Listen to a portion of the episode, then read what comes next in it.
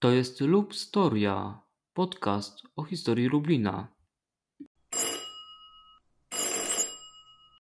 Witajcie serdecznie. Dzisiaj porozmawiamy o nowej drodze, Alejach Jagiellońskich, Alejach Piłsudskiego i Alei Świerczewskiego. Do nagrania tego odcinka zmusił mnie błąd, jaki popełniłem w premierze podcastu. Pamiętacie, kiedy wspominałem o prowadzeniu kabli pod budowę trakcji trolejbusowej? Podałem wtedy nazwę ulicy Szczerbowskiego, jakoby to była zmienioną nazwą Alei Piłsudskiego.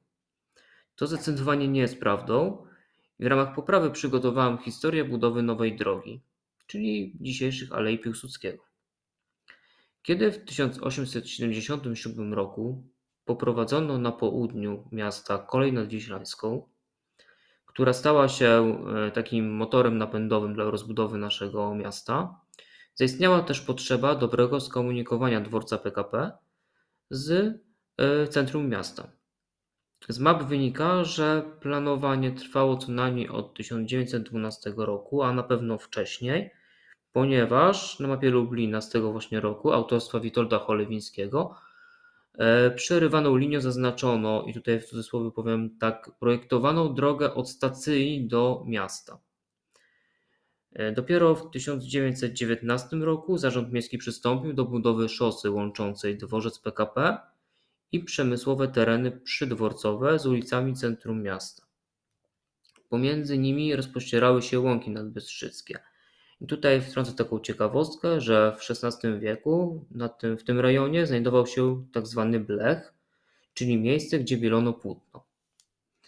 E, gdy na fotelu prezydenta Lublina usiadł Czesław Szczepański, samorząd miejski był w trudnej sytuacji finansowej, bowiem na początku 1919 roku miasto nie posiadało prawie żadnych dochodowych przedsiębiorstw komunalnych poza dwiema małymi rzeźniami na Bronowicach i Wieniawie. Chcąc złagodzić problemy narastającego bezrobocia w mieście, prezydent zaciągnął na mocy uchwały z 6 października 1919 roku pożyczkę w wysokości 4 milionów koron i w całości wykorzystał ją do budowy nowej drogi na łąkach Tatary oraz przy przyporządkowaniu e, głównych ulic miasta. Zatrudnił wówczas 800 bezrobotnych, co w znacznym stopniu złagodziło napiętą sytuację społeczną w mieście.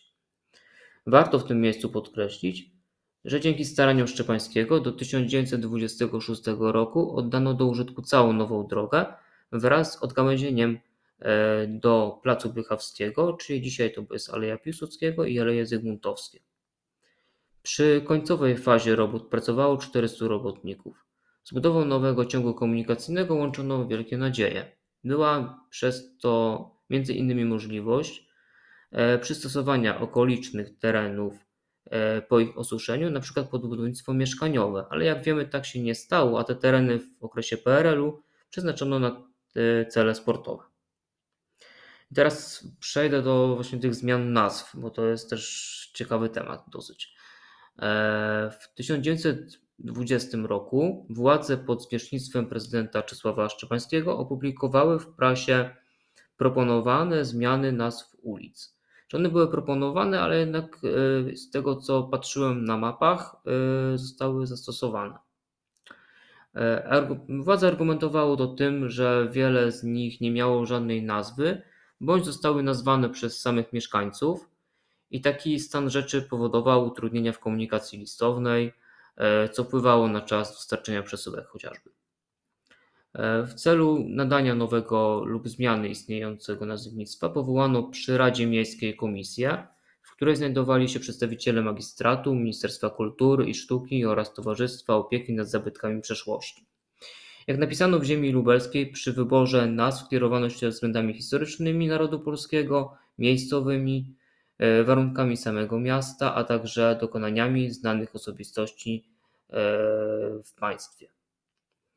W tym wpisie z ziemi e, lubelskiej 1920 roku, dokładnie z numeru 267, tak, zwa, tak została nazwana nowo usypana droga od Namiestnikowskiej do Placu Bychawskiego została nazwana Alejami Jagiellońskimi. A mająca się dopiero usypać, tu też cytuję, mająca się usypać droga od Alei Jagiellońskiej do Zamojskiej Alejami Zygmuntowskimi. E, kiedy przemianowano ją na marszałka, na marszałka Piłsudskiego?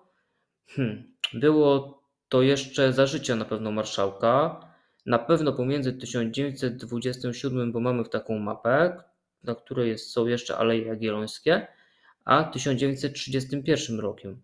E, ta mapa z 1931 roku już pokazuje Aleję Piłsudskiego. E, dla ciekawości, w wykazie e, z ziemi lubelskiej, wspomnianej wcześniej z 1920 roku, ulicą Piłsudskiego na ten czas, czyli 1920, powiedzmy 1931, nazwano ulicę Krochmalną.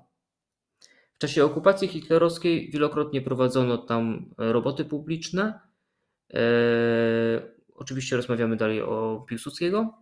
E, chociażby darniowanie wału, widoczne na okładce tego podcastu. Zdjęcie pochodzi z lubelskiego archiwum cyfrowego.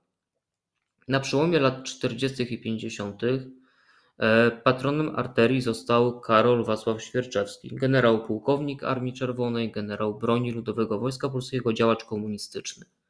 W tym czasie też przy ulicy pojawiły się lampy jarzeniowe, a w 1958 roku można powiedzieć, że ulica uzyskała obecny wygląd, e, ponieważ przeprowadzono jej gruntowną przebudowę e, i poszerzono ją do 12 metrów. Po transformacji ustrojowej nazwa ulicy wróciła do przedwojennej Alei Piłsudskiego. E, do opracowania tego podcastu użyłem takiej książki jak Ulicami Lublina Henryka Gawareckiego i Czesława Gawdzika oraz e, Dzieje Lublina pod redakcją Stanisława Krzykały, tom drugi. E, korzystałem również z map, które są dostępne na stronie Lubelskiego Archiwum Cyfrowego czyli mapa z 1912 roku Witolda Cholińskiego oraz e, mapa magistrat, magistratu Lublina e, z 1931 roku. Za uwagę bardzo dziękuję i zapraszam do kolejnych, do wysłuchiwania kolejnych odcinków. Trzymajcie się.